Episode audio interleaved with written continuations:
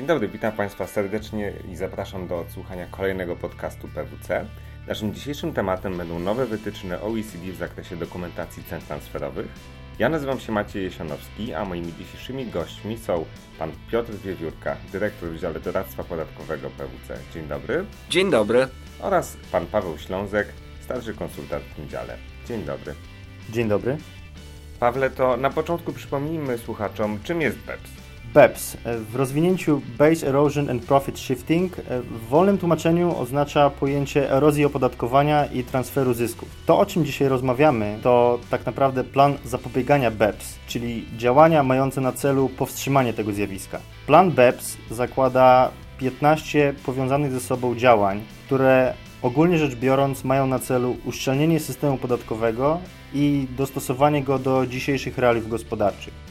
W tym momencie plan BEPS jest jednym z kluczowych projektów OECD i zakładamy, że prędzej czy później wyniki tej działalności zostaną odzwierciedlone w lokalnych przepisach podatkowych. Jednym z kluczowych założeń dotyczących wspomnianego działania i zmian w zakresie dokumentacji cen transferowych będzie zacieśnienie współpracy organów.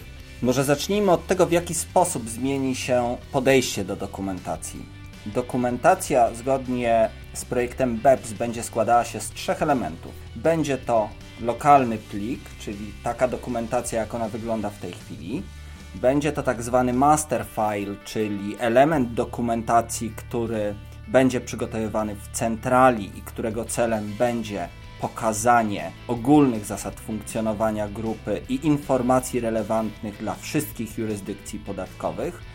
I będzie trzeci element. Tym trzecim elementem będzie tabela, w której zawarte będą parametry finansowe i parametry operacyjne funkcjonowania poszczególnych spółek w ramach grupy. Istotne jest to, że ta tabela będzie obejmowała cały świat, czyli nie tylko podmioty funkcjonujące w Polsce, ale też wszędzie, gdzie grupa prowadzi swoje działania. I teraz do tej tabeli będą miały dostęp organy podatkowe. Zarówno organy podatkowe właściwe dla centrali grupy, jak i dla poszczególnych lokalizacji. Czyli na przykład nasze organy podatkowe w Polsce będą mogły zobaczyć, w jaki sposób performują spółki podobne do polskiego podatnika, funkcjonujące w ramach grupy w Belgii, Holandii, Wielkiej Brytanii, w Niemczech czy w Czechach, Słowacji, na Węgrzech. W związku z tym bardzo łatwo będzie zidentyfikować rozbieżności i na tej podstawie zastanowić się, czy w danym momencie dany podmiot, nasz polski podatnik, warto skontrolować. No tak, a wracając do współpracy organów skarbowych. Jak widzisz, organy będą niejako zmuszone do współpracy, dlatego że będą miały dostęp do wszystkich informacji z całego świata dotyczących danej grupy kapitałowej. I teraz bardzo łatwo mogę sobie wyobrazić, że ta współpraca nie będzie miała tylko charakteru pasywnego. To znaczy, że organ właściwy dla centrali grupy przekazuje taki dokument, tę tabelę zawierającą podsumowanie informacji finansowych do poszczególnych krajów, ale również, że ta współpraca będzie bardziej aktywna. Na przykład będzie przybierała formę równoległych kontroli podatkowych. Wydaje się, że to rzeczywiście spora zmiana. Pawle, a kiedy to ma szansę stać się obowiązujące również dla polskich firm? OECD rekomenduje, żeby nowe podejście do dokumentacji cen transferowych stosować już w odniesieniu do 2016 roku. Przedstawiciele polskich władz skarbowych, biorący aktywny udział w pracach dotyczących BEPS, zasadniczo nie zgłaszali do tych pomysłów żadnych uwag. Dlatego też możemy się spodziewać, że analogiczne zasady zostaną zaaplikowane również w Polsce.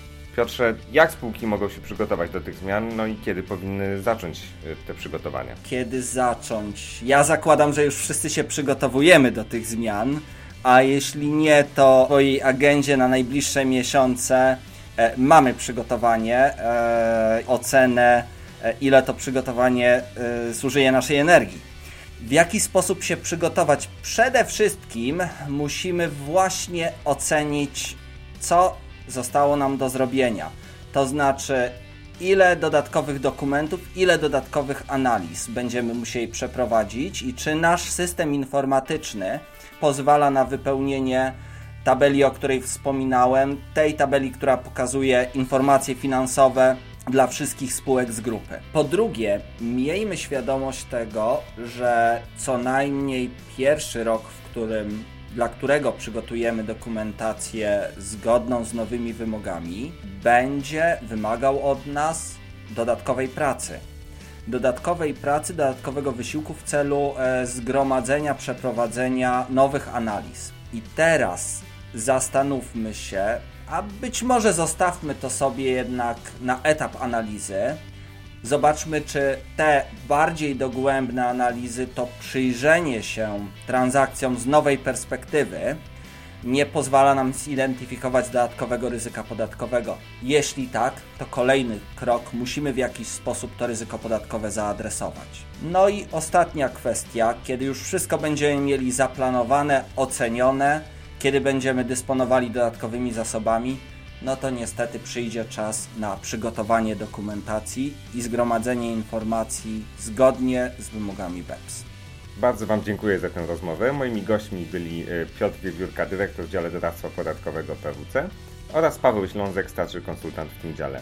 Państwa zachęcam do odsłuchiwania innych podcastów PWC, a aby otrzymywać powiadomienia o nowych wydaniach naszej audycji, zapraszam do złożenia subskrypcji na stronie www.pwc.pl łamane przez subskrypcję. Dziękuję i do usłyszenia.